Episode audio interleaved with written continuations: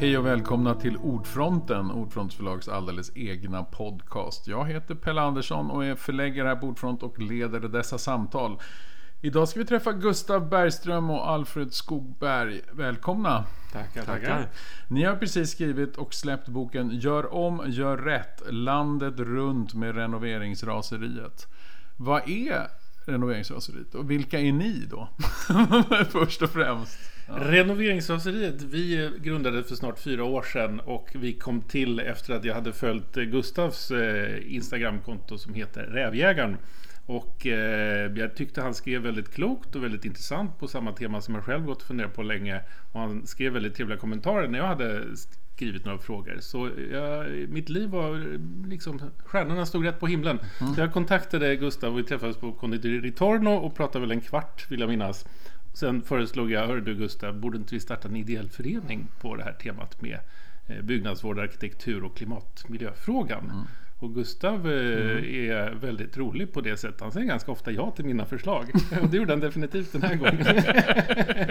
Så, Håller du med ja, Jag säger väl ganska ofta ja, men jag säger nej också. Ja, det gör han absolut. Men, men ofta är mina man... förslag så bra så Gustav kan ah, inte säga nej. fick du det sagt. Såklart. Jag tror att minnet är kort. men det där, formellt bildades vi väl i januari 2020. Ja, alltså vi hade vår första debattartikel inne i Aftonbladet den 1 januari 2020. Men mm. eh, jag tror att eh, föreningen registrerades om det var 13 februari. Mm. Okej, okay. så ni började med att agera? Vi började med att agera, ja. Och sen så uh, började vi nog lite smått att lägga ut på Instagram redan från början. Vi väntade inte in den för, alltså, att, mm.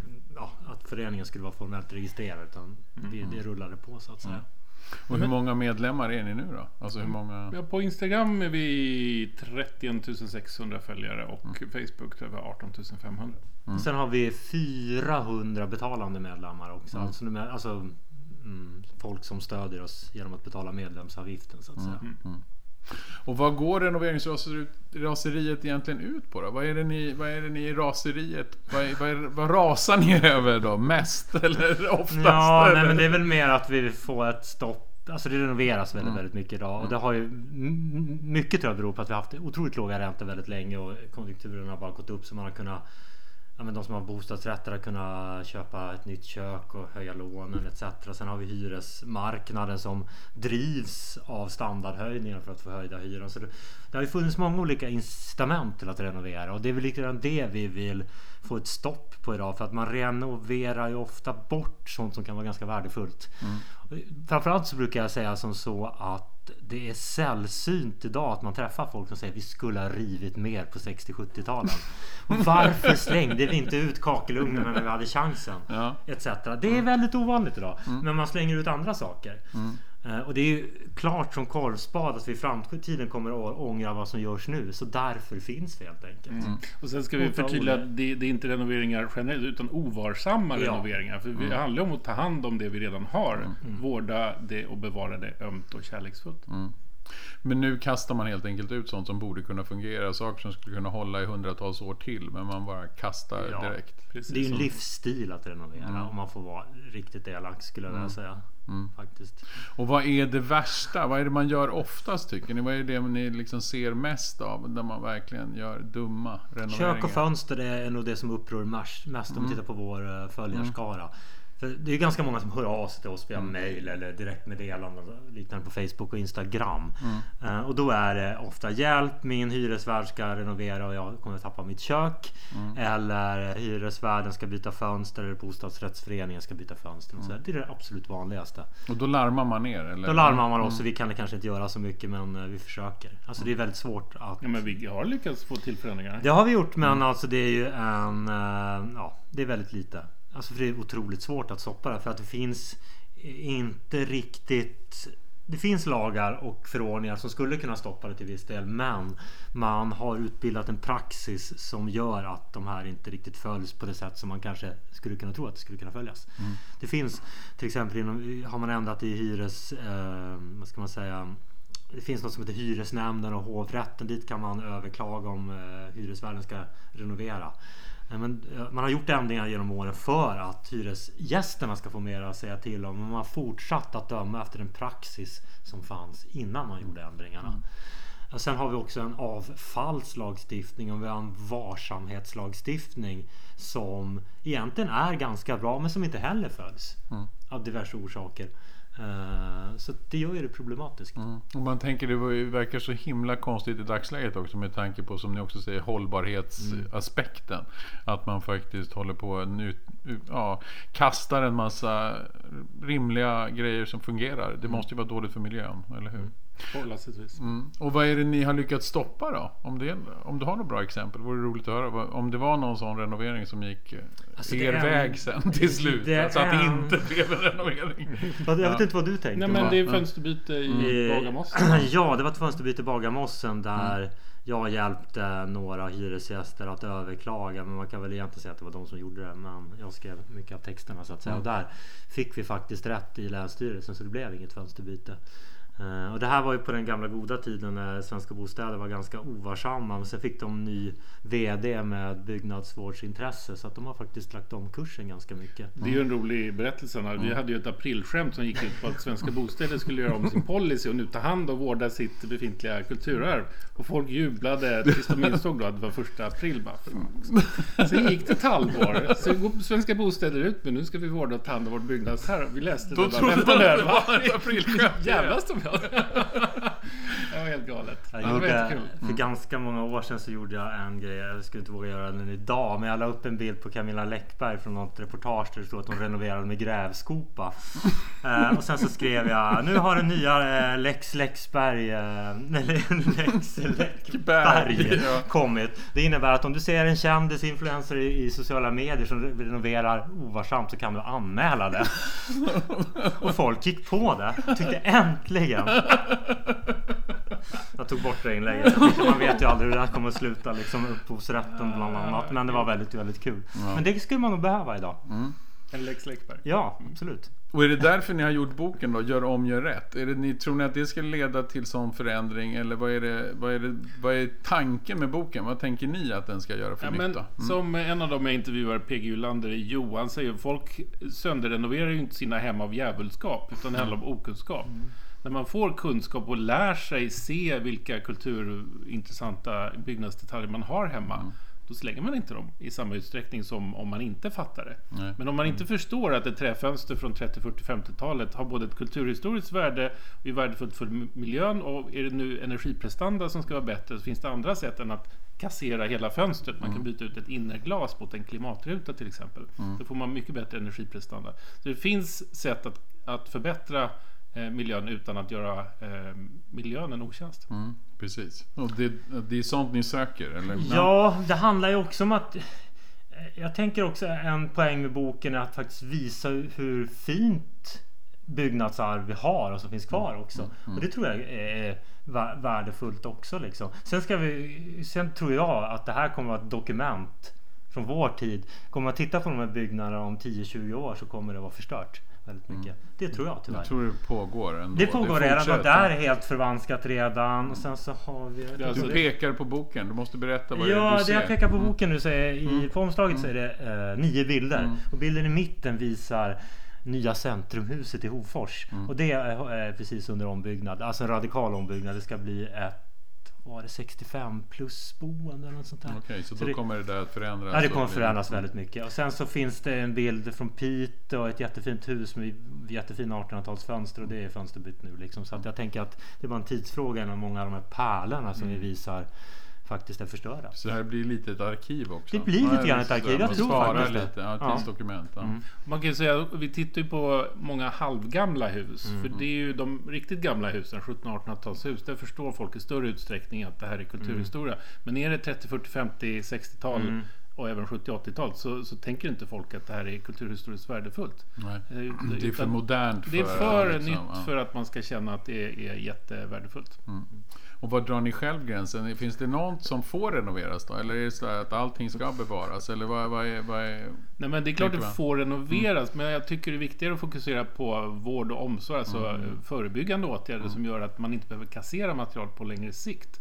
Trä till exempel kan ju hålla nästan hur länge som helst under förutsättning att man man oljar in eller att man målar om lite då och då.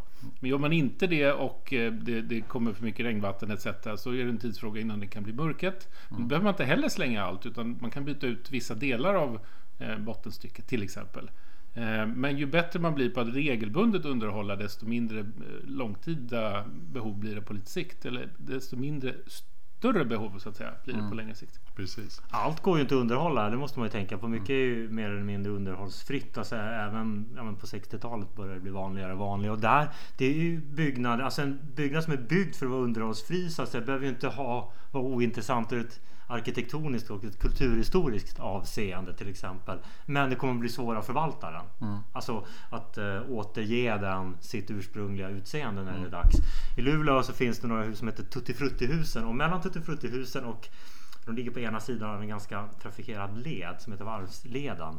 Och för, ska man då komma in på ja, innerstadssidan så att säga. Då hade man en gång som gick över vägen som folkhumorn hade döpt till Helröret. eh, och den här var då gjord väldigt underhållsfri någon gång i slutet på 90, nej, 80, början på 90-talet liksom. Men det, den här revs av diverse anledningar och det hade varit väldigt svårt att fräscha upp den för den var inte riktigt gjord för det.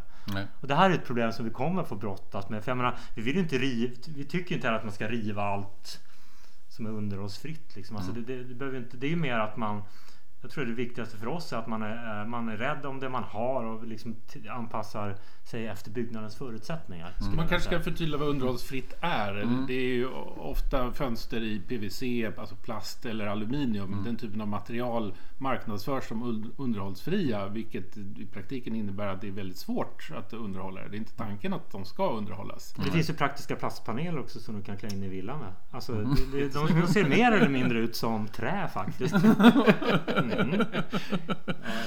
Ja, och ni, när ni har gjort den här boken så har ni åkt runt till ett antal städer. Och vilka städer, jag vill inte räkna upp allihopa, men några stycken. Och varför har ni valt just de här städerna? Eller de här platserna? Vad är det som har lockat er dit? Det handlar ju dels om att få en spridning så att vi får för att se liksom, ja, men hur det ser ut över hela landet. Men sen kan det ju vara vissa grejer. Som Kiruna är ju väldigt intressant för att Dels så finns det väldigt många intressanta byggnader men det är också så att man har en stadsflytt till exempel. Mm. Uh, Umeå valde jag för att det är en väldigt dynamisk stad där man har rivit väldigt mycket under de senaste åren. Liksom. Mm. Lite grann som under guldåren på 60-70-talen. Liksom. Så att det finns ju sådana aspekter. Mm. Vi har ju också valt olika teman till olika städer. Som i Strömstad mm. till exempel. Där går jag en stadsvandring med en fönsterhantverkare. Mm. Så där är det mer tema fönster. Och han mm. berättar hur han renoverar. Vilka material han använder sig av. Och hur det går tillväga för att göra en snygg renovering helt enkelt. Och eh, sätter fingret på vad det kostar. Alltså ett gammalt fönster med munblåsglas jämfört med ett nytt. Det är inte så många som vet att det är tio gånger dyrare med munblåsglas än, än floatglas, ja, modernt glas. Mm. Och ändå slänger folk de här rariteterna och sätter in skräp istället utan att förstå det. Mm. Alltså det är kulturförvanskning och eh, ekonomisk härdsmälta som man mm. håller på med. ja, precis. Men det kommer bli slut på det här snart för nu har vi en sandkris. Så nu är det faktiskt brist på sand som man kan göra glas av. Faktiskt. Det har jag hört också. Vi ska ja. nämligen göra en bok som heter Kriget om sanden Nej. eller något liknande. Det är på väg en bok så småningom. Det var väl ja. ja, för det har vi fått, ja, för det har vi hört att mm. det är också en, en brist. Vilken sorts sand det ska mm. vara. Och att det, olika, det går inte att använda all sand Nej. i fönster och så, eller hur? Ja. Det man har gjort tidigare när man har återvunnit fönster det är att man krossar dem i en container eller på något mm. sätt. Sen tar man tillvara på ja, men glaset. Men då är det så eh, nedsmutsat så det går inte att göra nytt fönsterglas. Ut, ut. Man får göra något annat av det istället som mm. inte är lite som man inte behöver ställa lika höga krav på så att säga. Mm. Och sen tar man vara på metallen och så eldar man upp resten. Liksom. Mm. Men det man har börjat faktiskt göra nu idag i vad heter de? Mockfjärds cirkulära fönsterbyten. Det är att man faktiskt skär ut glaset och tar bort det ur fönstret och tar tillvara på det innan man kasserar fönstret. Mm. Så det är, alltså det är ett steg i rätt riktning men det är mycket lättare att återvinna fönstret på plats. Det är väl sånt vi pläderar. Ni är ute efter. Ja, ja. precis. Ja. Men det är ju liksom, det är jättebra att man återvinner men ska du återvinna något så ska du transportera Du ska behöver energi för att återvinna det materialet. Du måste ju smälta ner det här jäkla glaset liksom, mm. för att kunna tillverka nytt glas. Så att jag menar, det är alltid bättre att göra så lite som möjligt. Och låta sakerna sitta kvar. Sitta kvar men liksom gör, utveckla produkten mm. på plats. Skulle jag vilja säga. Det tycker jag är intressant det här med att utveckla produkter på plats. Unionen har vi bråkat med, fackförbundet, för de äger ett antal hyreskåkar på Gärdet bland annat. Du menar vision? Ja, eh, förlåt, Vision ja, sorry.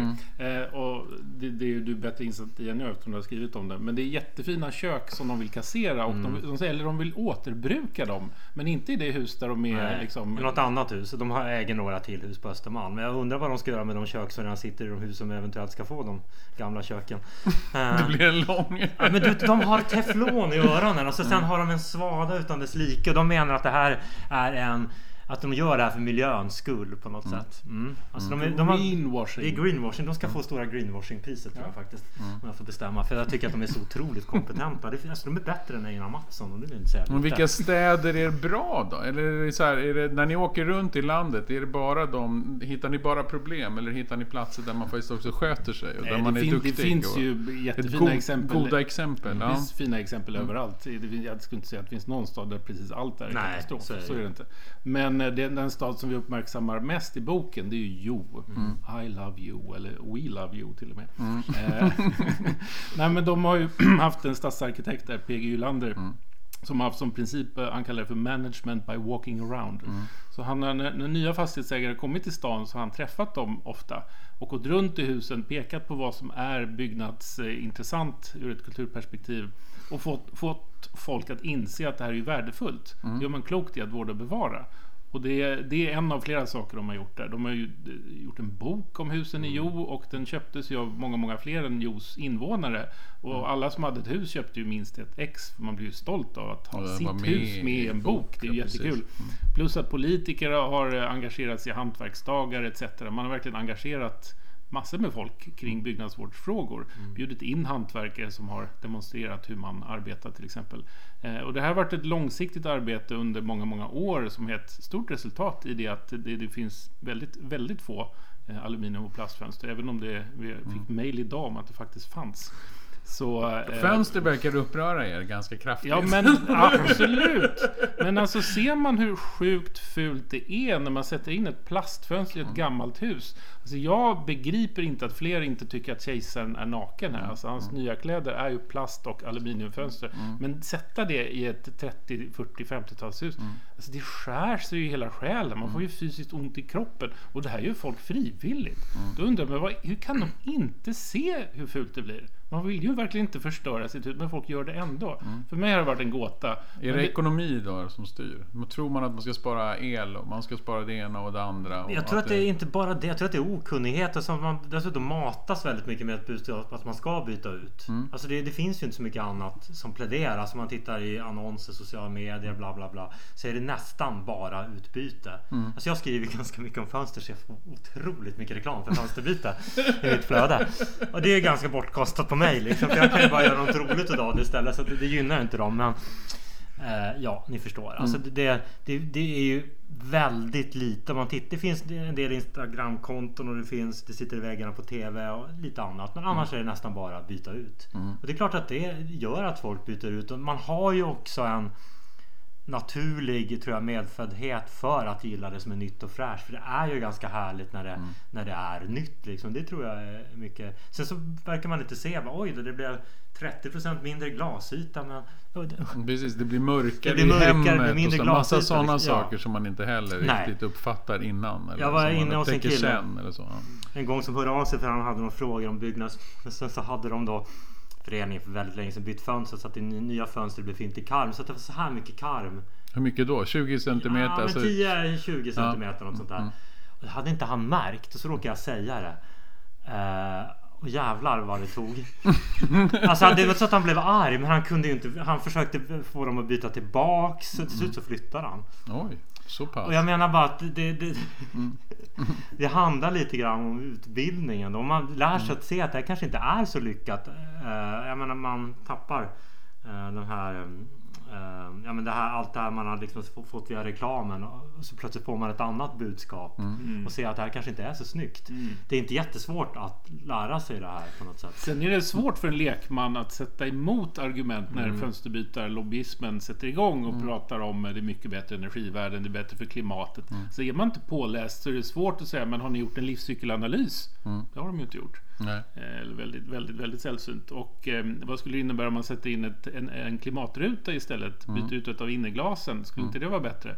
Alltså då får man betydligt bättre energiprestanda. Plus att man då bibehåller sina ursprungliga eh, fönster. Vilket är såklart bra av kulturvårdsintresse och miljömässiga skäl. Men det är ju ingenting som fönsterbytarlobbyismen predikar. Nej. Och de har inga sådana alternativ heller på lager. Så att de Nej. skulle kunna göra... De det skulle finns ju kunna några, börja, några företag. Okej. Grundels till exempel har ju en klimatruta som eh, är just den här Så man kan få hjälp. liksom. Ja, Alltså, det, finns, det finns produkter. Det finns något som heter Nordic-rutan också. Så- Men alltså man kan säga att Grundens och Nordic-rutan och andra sådana här lösningar. de- De säljer ju inte nya fönster utan de har då den här uppgraderingsmodellen istället.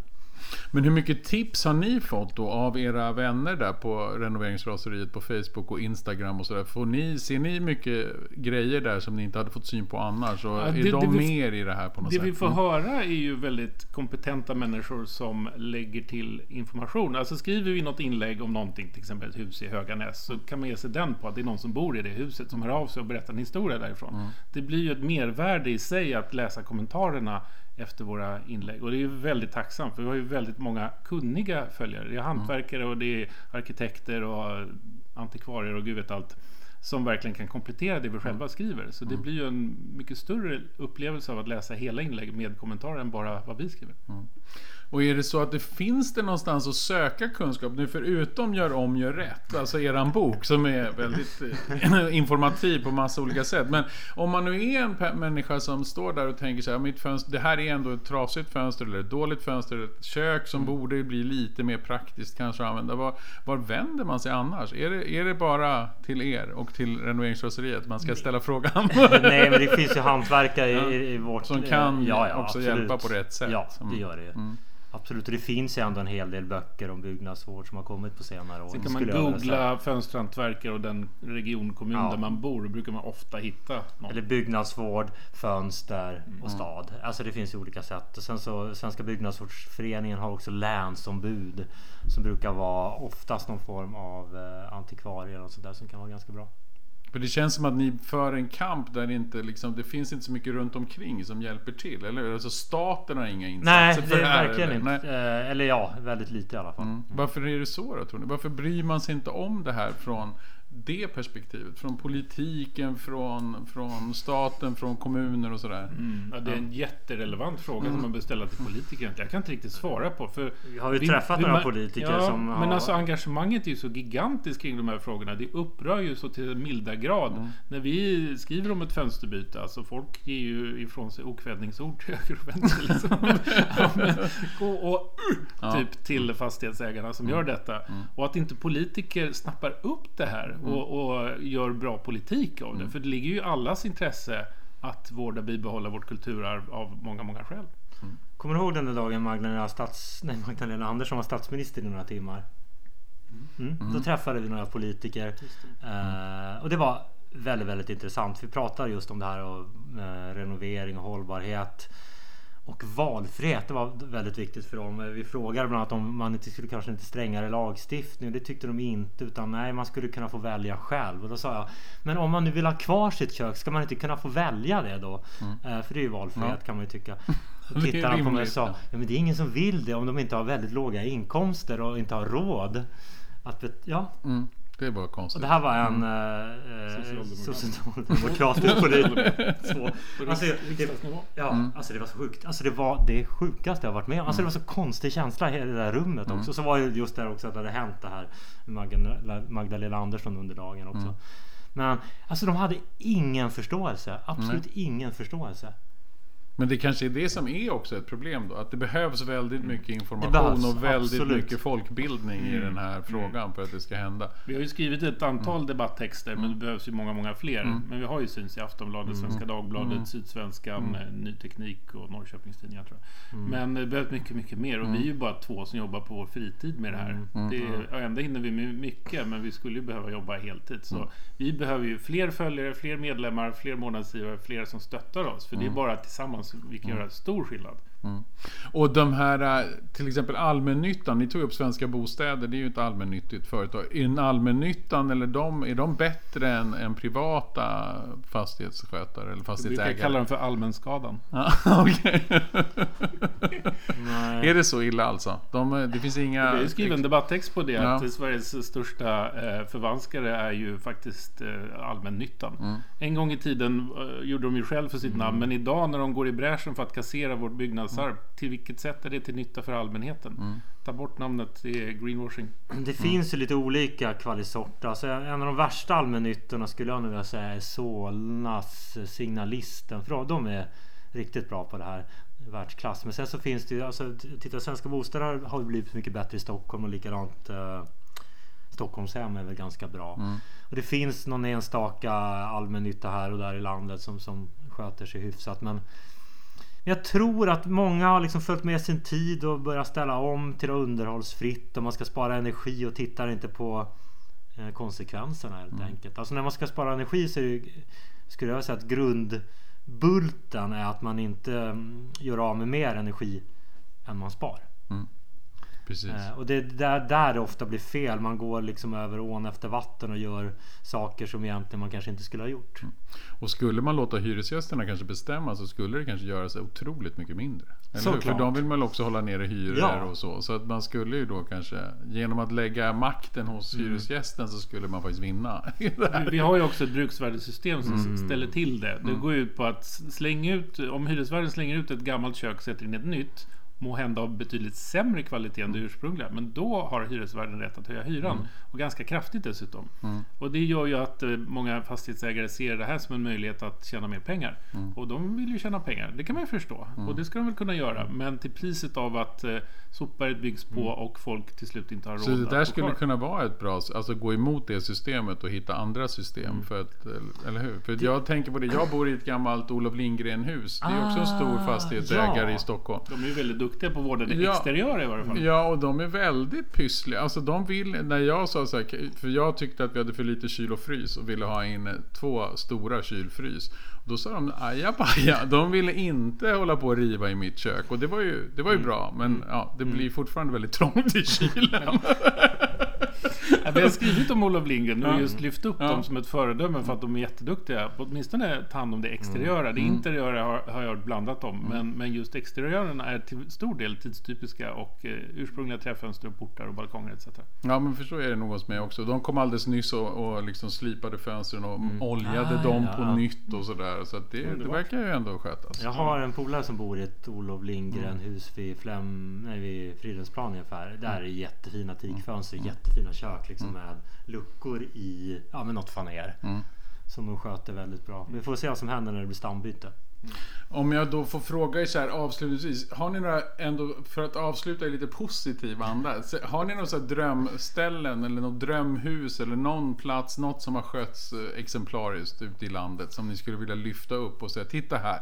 Det här är ändå ett gott exempel. Förutom Jo då som var hela stan. Finns det några enstaka byggnader? Ja, Olof Lindgren som vi just Ja. har nämnt. Ja. bland annat i Björkhagen, jag vet inte var du bor, men i Björkhagen har de ett antal hus som är jättefina från 50-talet. Som Okej. man bara gråter av glädje av att titta på. Jag skulle vilja säga Gyttorp. Där gjorde Nora kommuns kommunala bostadsbolag en fantastisk grej. Alltså Nora, kom, Nora kommun, eller Nora ligger norr om Örebro. Och norr om Nora. Ganska litet samhälle. Ja. Litet samhälle. Men de, till Nora kommun hör också Gyttorp som är ett ännu mindre litet pluttsamhälle. Eh, som har ett stort eh, flerfamiljshusbestånd från sent 40-tal, tidigt 50-tal ritat av Ralf Erskine. Och de här husen var delvis rivningshotade och i bedrövligt skick när Nora kommun gick in och köpte de här på 90-talet. Och med hjälp av bidrag från, eh, läns, eh, nej, från Riksantikvarieämbetet så gjorde man en otroligt pietetsfull upprustning. Man sparade alla kök. Och man använde ja, men tidstypiska material etc. Och det blev så fint. Mm. Det finns, jag kan inte komma på ett enda bost, helgjutet bostadsområde som inte är förvanskat. Liksom allting är kvar i princip. Och det är väldigt, väldigt ovanligt. Och nu är det är ju naturligtvis Ralph Erskines arkitektur ganska speciell. Den sticker ut liksom. Men jag tänker, tänk att få se ja, men, tio kvarter i Bagarmossen som är helt intakta. Liksom. Det går ju knappt. Nej, precis. Och tror ni att det här blev också bevarat just för att det var Ralph Erskine? Alltså, Det tror jag Det är ett absolut. namn Ja, ja, ja, som ja, ja. klingar Så är det. Så är det. Det hade inte och- skett ja. annars. Nej, Nej. det tror jag inte. Men säg det, alltså, ja, Ralph Erskine ja, men det finns ju andra jätteduktiga arkitekter. Jag har ju tittat till exempel på bröderna Alséns Mm. hus eh, utanför ringmuren i Visby. Eh, Eller de byggde flera kåkar där på 50-talet. Mm. Jättefina hus med romber i målningar på, på eh, ambassaden. Eh, några lägenheter i etagelägenheter med, med öppen spis och kalkstensgolv och parkettgolv. Mm. Där har de också bytt eh, ursprungliga portarna och eh, klätt in fönstren i plåt eh, och bytt ut, eh, satt ny panel på burspråken etc. Det är ändå arkitekter som har ritat Årsta centrum och Krämaren i Örebro. Riktigt duktiga arkitekter. Så bara det faktum att det, vi har duktiga arkitekter i Sverige inte ett, en, ger det inte en säkerhet att det kommer vara skyddat för resten av framtiden. Absolut inte. Det finns massor med duktiga arkitekter som har fått sina hus förvanskade. Ja, Men Ralph så Erskine är ju en eh, exceptionell Han är en liten ikon. Jag tror att det är nog faktiskt därför. För att de där husen är väldigt speciella. Mm. Jag tror att det är en, en förklaring faktiskt. Så är man ute på semesterresa kan man åka till Gyttorp och titta Det på vackra man. hus. Ja, man kan inte nog med det. Man kan även hyra en lägenhet. Mm. För att det finns, eh, har i alla fall funnits en eller två lägenheter som hyrs ut via hembygdsföreningen tror jag det var. Så då kan man bo i en 50-talslägenhet. Om man bara får säga det också så har vi även vi gjort en podd som heter Vackra hus och hemska renoveringar från Gyttorp bland annat. Och sen kan man ju faktiskt köpa Gör om, gör rätt landet runt med renoveringsraseriet och åka runt hela Sverige i sommar. Och Skynda liksom- allt hur? är förstört. Ja men Ja. faktiskt. Mm. Underbart. Ja. Tack så hemskt mycket Gustav och Alfred för att ni kom hit till Tack. Ordfronten. Och pratade om Gör om, gör rätt landet runt med renoveringsraseriet. Tack! Tack, tackar. Det var allt för den här gången. Tack för att ni har lyssnat och det var också sista podcasten för i år. God jul, gott nytt år, ha det så fint så hörs vi igen nästa år. Hej då!